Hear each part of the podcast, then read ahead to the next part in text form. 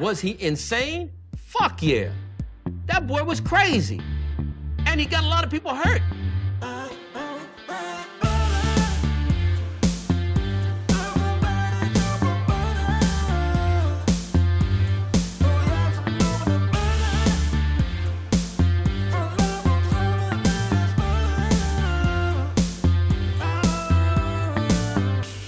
He doesn't like butter. I fucking love butter. I fucking love it.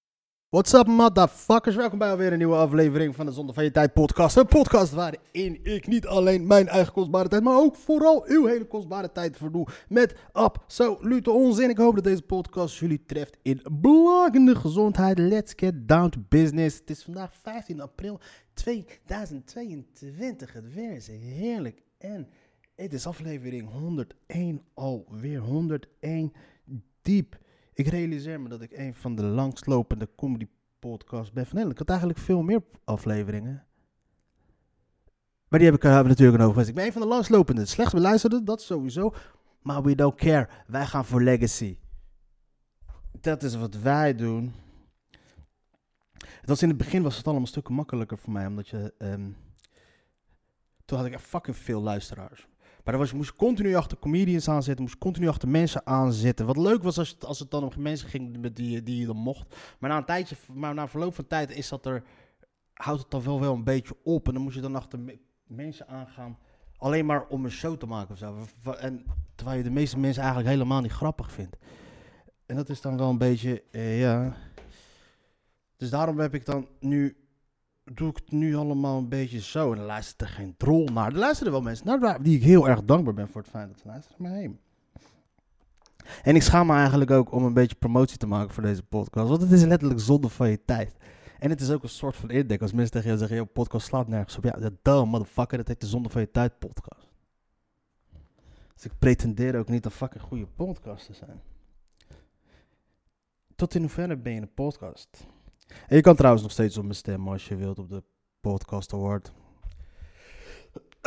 Hoe dat een zonde van je stem zou zijn. Ah, fijn. En ja, er is dus nog steeds oorlog. Dat wel. Die oorlog komt maar weer niet los. En het is allemaal weer een beetje allemaal saai. En het is allemaal een beetje eentonig. Ik eet veel te slecht. En dat heeft niks te maken met de Ramadan. Maar ik eet echt fucking slecht. Ik zag laatst dus een artikel van eh, Tom Brady. Die heeft al een 14 jaar geen suiker meer gegeten of zo. Geen suiker meer geconsumeerd. Ik weet niet hoe de fuck hij dat doet. Maar die motherfucker heeft zeven Super Bowls. Niet dat het mij wat kan schelen. Maar het is wel, hij is wel een van de allergrootste atleten alle tijden. In een sport waar eigenlijk niemand maar een moer om geeft. Dat fijn. En lastenverzwaring is onvermijdelijk. De VVD moet dus heel slecht nieuws gaan brengen naar, naar kiezers. Een financiële domper is op komst. Daarop zinspeelt premier Rutte. Lastenverzwaring zijn onvermijdelijk, zei hij tijdens zijn wekelijkse persconferentie. Daarbij lijkt het ook vooral gericht op bedrijven en vermogende Nederlanders. Het kabinet onderhand, dus zijn kiezers. Het kabinet onderhandelde donderdag weer met de coalitiepartijen over enorme gaten in de begroting. Bedragen van meer dan 10 miljard euro circuleren. Tering. Dinsdag zijn daar gesprekken over gevoerd. Donderdagavond werden de gesprekken voortgezet. Betrokkenen willen deze week weinig tot niks kwijt over het verloop daarvan. Met andere woorden, eh, waarschijnlijk. Ik ben benieuwd hoe die andere rechtse partijen daarop gaan reageren. Kijk, ze weten dat het moet. Ze weten dat het moet, weet je. En, ehm, maar toch gaan ze dan weer zeggen, gaan ze hem daar weer op aanvallen. Ehm, kijk, ik ben bijvoorbeeld benieuwd wat jaar 21 zou vinden van deze... Ja, 21 is de enige soort van redelijk normaal serieuze partij ehm, op rechts. Eh, Joost Eertmans van Ja 21 krijgt bakken kritiek na opvallende beslissing. Joost Eertmans, de fractievoorzitter van Ja 21 in de Tweede Kamer, heeft zich met zijn partij niet populair gemaakt bij rechtsminnen Nederland. De Tweede Kamerlid stemde met een andere partijgenoot tegen de motie van wantrouwen van Hugo de Jonge. Het komt hem met hem bakken op kritiek te staan, ook van zijn eigen leden. Donderdag stond CDA-minister De Jonge in het beklaagde bankje in de Tweede Kamer om uitleg te geven over de omstreden mondkapjes. Bla, dat weten we. Na een pittig debat, bla bla bla. De beslissing komt van de komt de partij en Joost Eertmans op bakken van kritiek te staan, vooral vanuit rechts het Nederland. Zij zien Hugo de Jong het liefst zo snel mogelijk vertrekken. Bizar dat de partijen zijn die motie van wantrouwen tegen Hugo de Jong niet hebben gesteund. Joost Eertmans blijkt een ware lakij van de macht. Ook Geert Wilders van de PVV sneert naar Joost Eertmans. Hij stemde zojuist tegen de motie van wantrouwen van Hugo de Jonge. Eh, ja, oké. Kritiek, kritiek, kritiek, kritiek. Ik hoop dat Eertmans nu eindelijk ophoudt met... En dan gaan ze dan mensen op Twitter citeren. En dat is zo idioot dat ze dan... Mensen van 21 gaan... Ja, dat, dat, lui... Dat noemen we dus gewoon luie journalistiek. Weet je, oké, er is dus... ehm, er is dus een eh, kritiek op een bepaalde politicus. En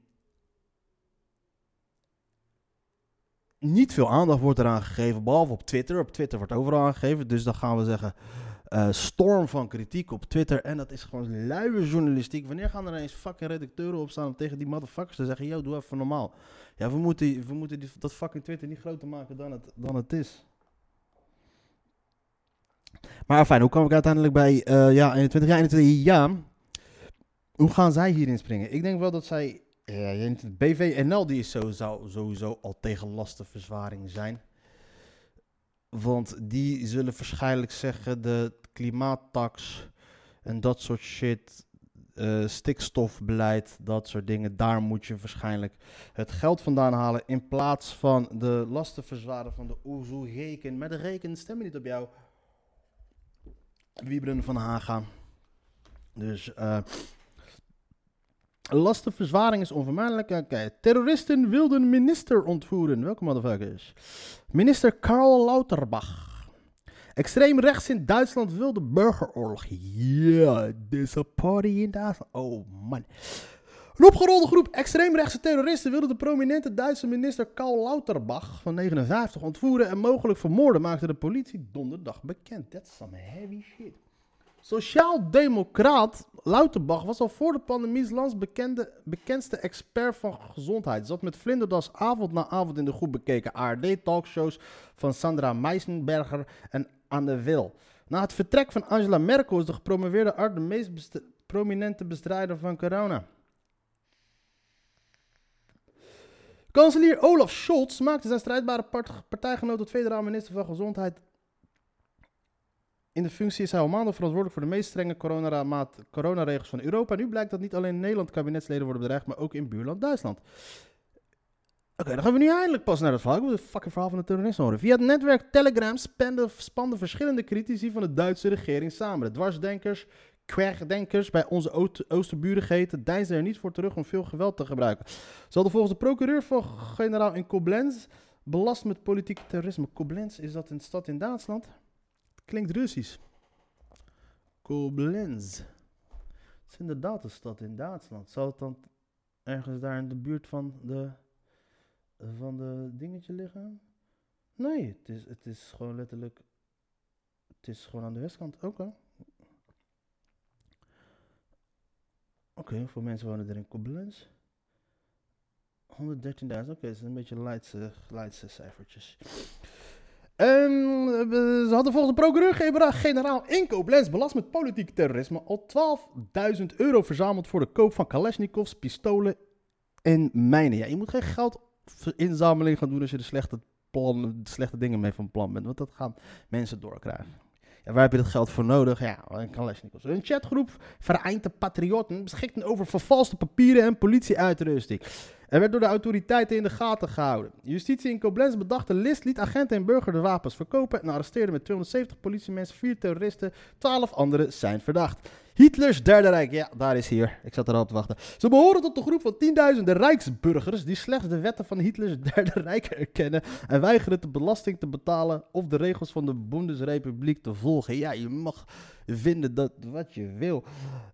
Het doel van de opgepakte terrorisme, terroristen aanslagen op het stroomnetwerk, destabilisatie van de Duitse democratie en het ontkenen van een burgeroorlog, constateerde openbaar aanklager Jurgen Brouwer. Het is leuk en aardig wat voor wetten je regels je wel of niet accepteert, maar dat boeit er allemaal niet toe. Weet je, ik vind dat altijd zo hila fucking hilarisch van die, hele, van die mensen die dan zeggen, nou, ik erken die wetten niet, ik erken dit, dit, dit niet. Boeiend dat je ze niet herkent, maar je hebt je eraan te houden. Dus wat, voor, dus wat ben je aan het doen? Hoe noem je dat? Ehm, in het Engels noem je dat grandstanding. Ik ben even kijken wat het Nederlandse vertaling daarvoor is. Grandstanding vertaling. Eh ehm,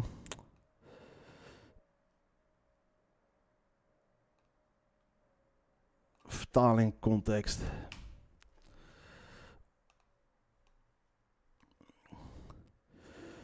Het is, even kijken, grootspraak, dikdoenerij. Wat bedoelen ze met dikdoenerij? Eh ja, laten we het houden op een beetje dikdoenerij van... Kijk, mij eens, ik heb zo, zo... Mijn principes zijn dit, mijn principes zijn heilig, zus en zo. En ik erken dit en ik erken dat. Who gives a fuck wat je wel of erkent? Dit zijn de wetten van het land. Je hebt op, op, op YouTube kan je heel veel van die filmpjes zien. In Engeland heb je dan van die sovereign... In Amerika heb je van die sovereign citizens. En die erkennen dan zogenaamd de federale, federale eh, macht van de Verenigde Staten niet. En die houden zich dan alleen maar aan bepaalde wetten. Weet ik veel uit die eh, uit 18, 1866 of weet ik veel wat voor redneck tijdperk ze die wetten, wat voor wetten ze dan aanhouden. Maar die erkennen dus dan de federale staat dus niet. Maar, oh nee, die, willen, die vinden dat er helemaal geen wetten zijn. Die vinden dat er volgens het oud-Amerikaanse concept helemaal geen wetten mogen zijn. Bla bla bla. Van die, en eh, die worden dan aangehouden. En dan zegt de politieagent van, yo, eh, license plate en, en dri- driver's license en license plate number plus een papieren graag. En dan zeggen ze, no, I'm a so- sovereign citizen. I ik, heb, ik ben een sovereign, sovereign citizen. Eh, en ik eh, hoef jou niet dit en dit en dit en dit te laten zien. En zie de politie gaat, ja, I don't give a fuck wat je wil of wel of niet bent. Ik vraag jou nu op dit moment je papieren en je identiteitsbewijs. En die ga je laten zien. En dan gaan ze de hele stoer lopen doen. En soms zitten er van die advocaten tussen. Bla bla bla bla bla bla. En dan is het in Amerika, plop, knuppel op je hoofd. Knuppel op zijn hoofd natuurlijk. Kijk, als hij zwart was, had hij hem neergeschoten. Maar die zijn vaak een sovereign citizen. Knuppel op zijn hoofd, meenemen en dan gaan ze janken op eh, YouTube. En dan is dat wel weer lachen. Kijk, het is leuk en. Je mag zeggen, erkennen en winnen wat je wilt. Maar er zijn gewoon regels en wetten. En als je je daar niet aan houdt, ja. En als je niet aan die regels en wetten wil gaan houden, houd dan je bek daarover. Snap je? En dan kun je daar niet aan houden. In hoeverre er. ehm, wat voor wetten zou je dan zeggen, ja, ik erken die wet niet. Ik ben het niet eens met die wet. Ja, welke wet? Ja, dan, ik ben niet eens met de belastingwet. En dan. Het, zijn vaak. ehm, het, het, het, het, dat dikdoenerijk of het is. Oh, ik moet even niet, hè?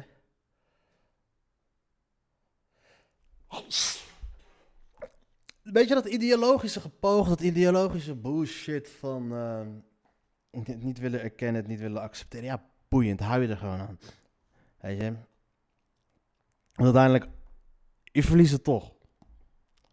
En de coronacompensatie OV-bedrijven blijft nog. Wij verwachten dat het nog jaren kan duren voordat reizigersaantallen van voor corona terug zijn. Pardon. Openbaar vervoerbedrijven kunnen in heel 2022 rekenen op een vergoeding van het Rijk om de gevolgen van de coronacrisis op te vangen. De vergoeding was al toegezegd tot september van dit jaar, maar het kabinet heeft donderdag besloten die te verlengen tot het einde van het jaar. Ik ben benieuwd wat daar tegenover staat. Ik hoop niet dat ze de prijzen gaan verhogen, ondanks de steun die ze gaan zullen krijgen. In, 22, in 2020 hebben vervoerders 1,2 miljard euro aan vergoedingen gekregen en in 2021 1,4 miljard. Omdat reizigers nu weer steeds vaker voor het openbaar vervoer kiezen, eh, is de verwachting dat er dit jaar zo'n 140 miljoen euro nodig is om de kosten van OV-bedrijven te vergoeden. Ehm,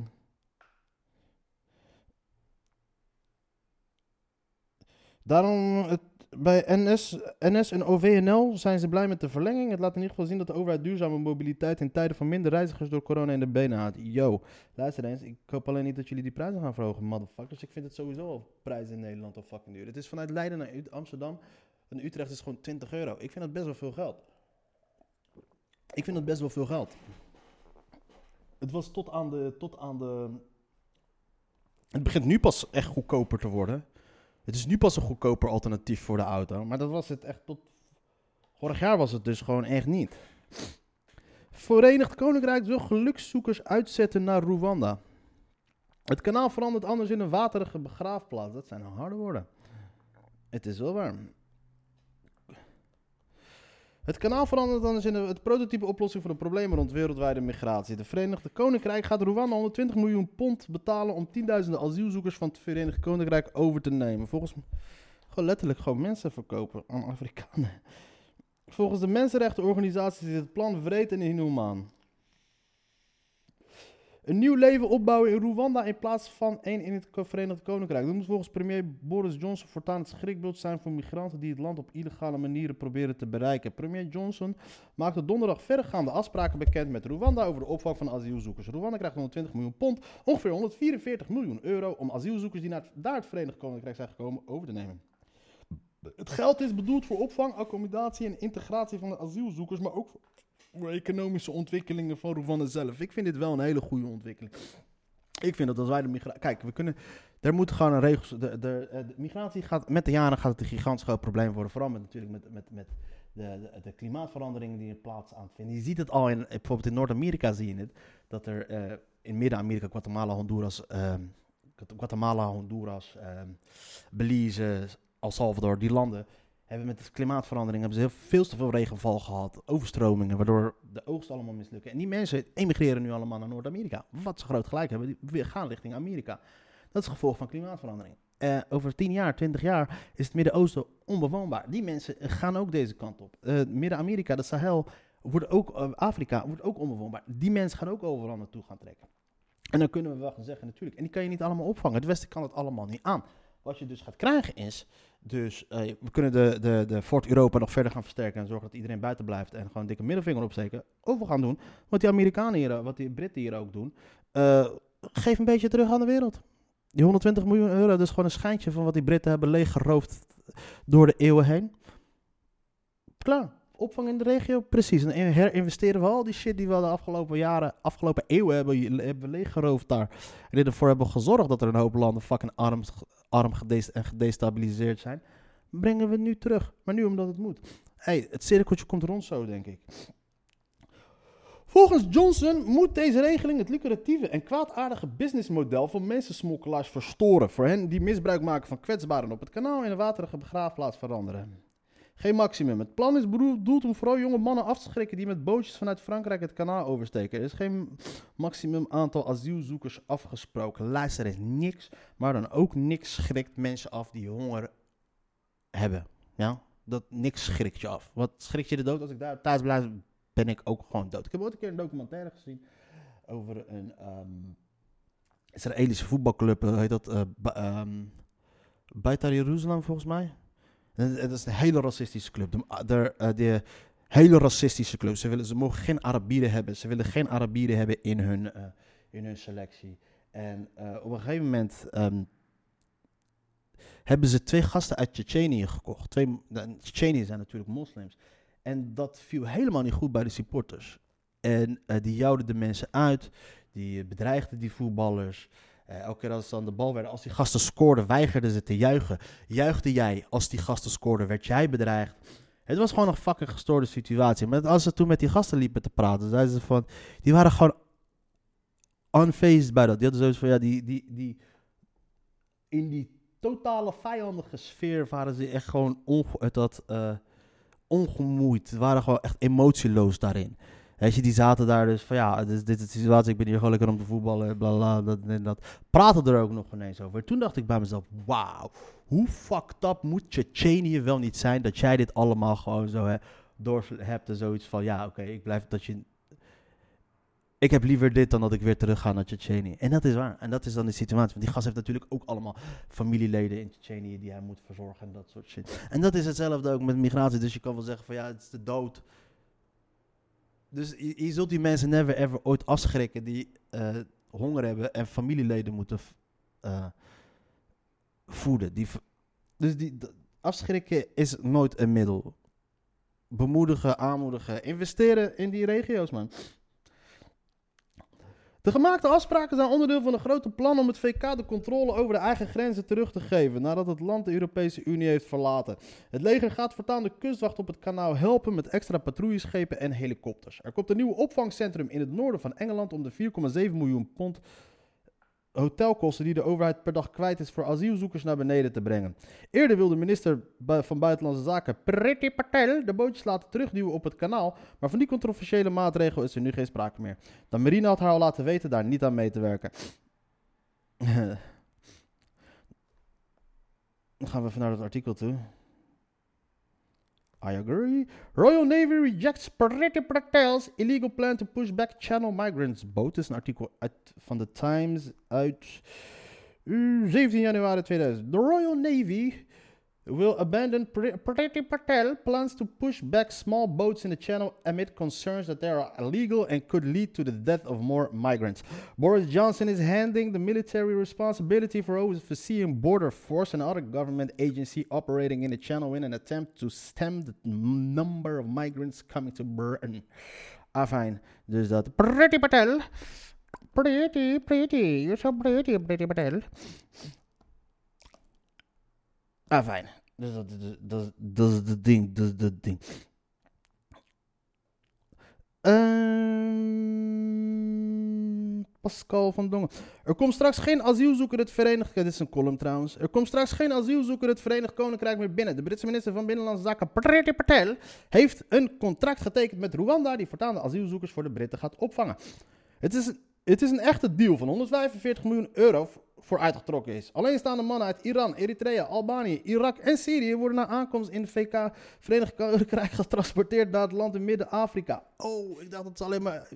Dat ze alleen maar... eh, dat ze alleen maar... weet dat? Mensen uit Rwanda terug gingen sturen. Maar iedereen die ze oppakken gaat gewoon naar Rwanda. Wauw, geniaal van Boris Johnson. Oh, jij wilt naar Brit- Groot-Brittannië komen? Ja, jij gaat naar Rwanda. Wauw, geniaal. Evil, daar niet van, maar oké. Doel van de campagne is het ontmoedigen van asielzoekers, economische gelukzoekers volgens de Britten, om naar het Britse eiland af te reizen. De plannen passen in de sfeer die er in Groot-Brittannië al geruime tijd heerst, vooral sinds het Brexit-referendum in 2016. De komst van duizenden asielzoekers, vaak met, de, met behulp van brakke bootjes, is veel Britten een doorn in het oog.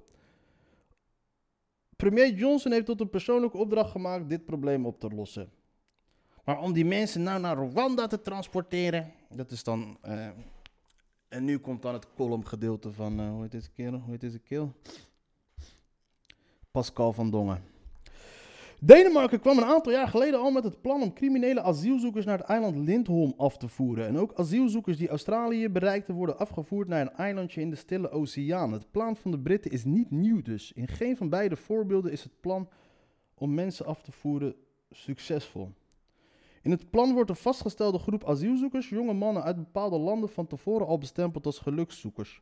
Het lot van die mannen is ongewis. Ze worden weggezet als criminelen die alleen maar op zoek zijn naar economische verbetering. Los van het feit dat onder die groep mogelijk veel jongeren in de criminaliteit belanden, scheer je iedereen over één kam. Zit je, zit je daar plots als onderdrukte Iraanse homoseksueel in Rwanda?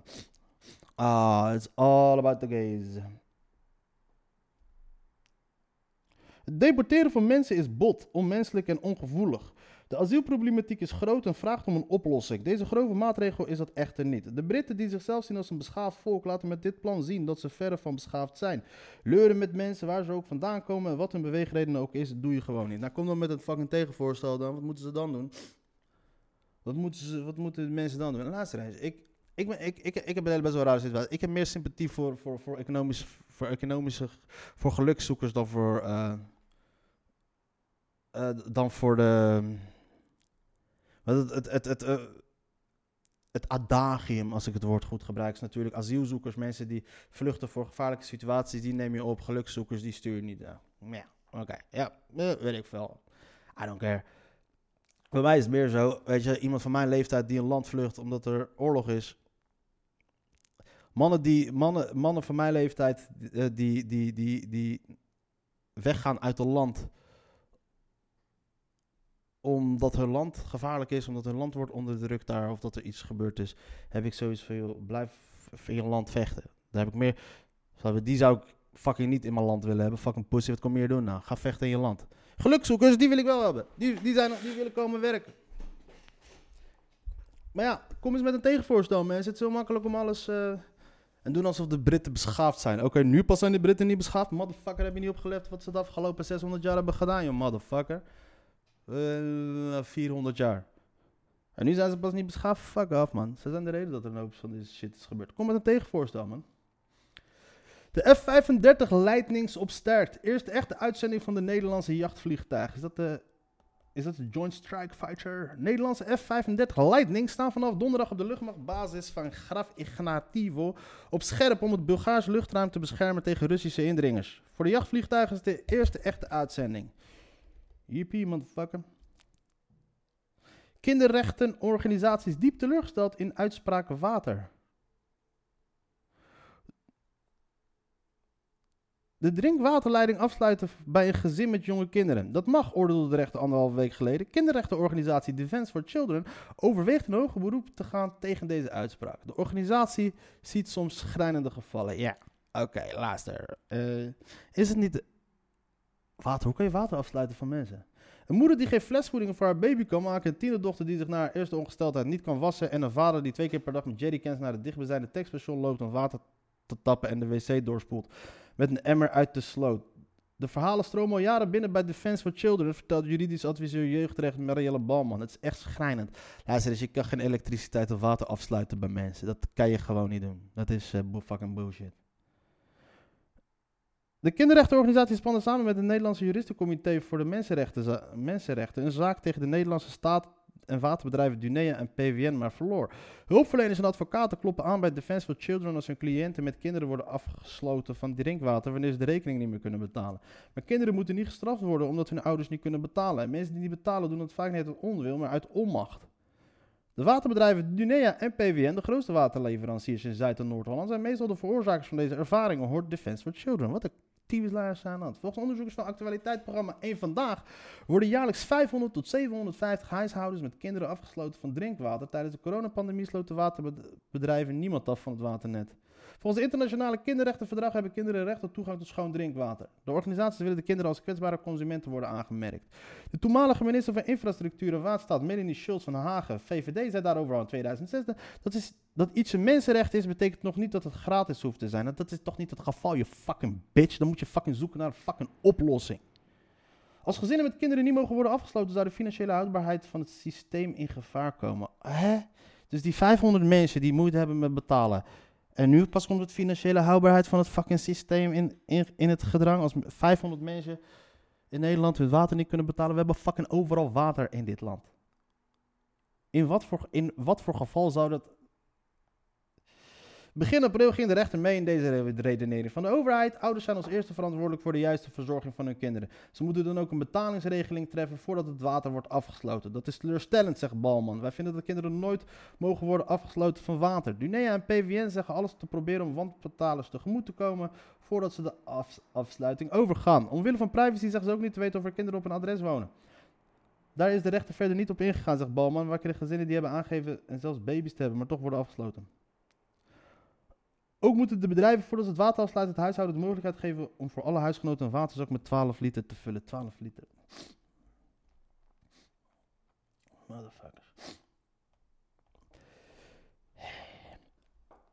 Ik snap niet dat je iets kan afsluiten voor mensen. Wat, als je het water en elektriciteit afsluit, wat, wat, wat, dan nog? Wat moet er dan nog... Uh, hoe kan de situatie dan nog voor een persoon verbeteren dat hij wel tot een oplossing kan komen? Ja, wat moet die persoon dan gaan doen? Je kan mijn internet afsluiten. Dan sluit ik het af en dan ga ik de volgende keer nadenken wat ik fout heb gedaan en dan gaan we dadelijk het wel. Maar dan kan ik even rustig over nadenken terwijl ik. terwijl ik tv te kijken.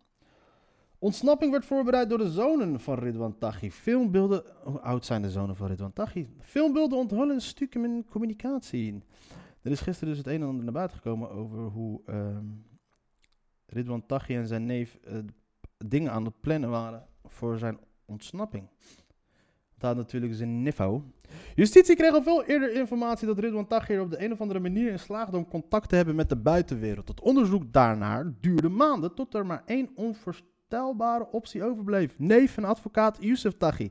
Het Openbaar Ministerie heeft donderdag in de rechtbank van Amsterdam voor het eerst beelden getoond die zijn gemaakt van de bezoeken van advocaat Youssef Taghi en zijn neef Ridwan. In de extra beveiligde inrichting in Vught. Het OM zegt zei dat van belang te vinden om de heimelijke en doortraptheid van de communicatie aan te tonen. De beelden zijn van bovenaf geschoten. Beurtel is zijn af- advocaat aan zijn neef te zien, gefilmd op hun kruin. De gesprekken zijn slecht verstaanbaar en fragmentarisch en gaan veelal over koetjes en kalfjes. De handelingen van de neven zijn volgens OM veelzeggender. Op de beelden is te zien hoe Yusuf Taghi op een notitieblok schrijft en de tekst tegen het glas drukt dat hem van Ridwan Taghi scheidt. Ridwan Taghi maakt aantekeningen op een groot schrijfblok en laat die vervolgens zien aan zijn neef. Advocaat Yusuf, eh ja.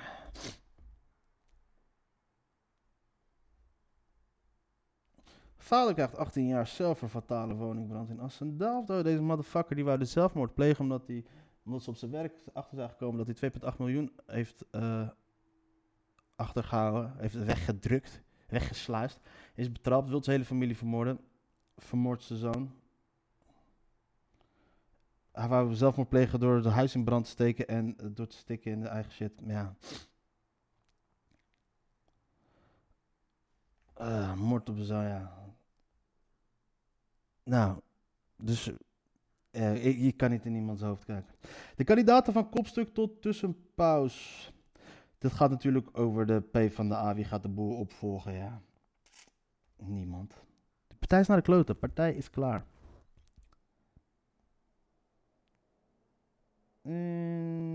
Mm, wat hebben we nog meer? Elon Musk. Elon Musk doet vijandig bot. Elon Musk gaat Twitter overnemen. Nou, ik hoop dat hij Twitter gaat overnemen en dan eh, gewoon afsluit voor de rest van de wereld. Want het is gewoon echt een. eh, Ik zou echt afvragen wat er gaat gebeuren als Twitter mensen niet meer, een hoop mensen niet meer kunnen twitteren. Die gaan fucking zelfmoord plegen. Het is gewoon echt. Twitter is echt sad.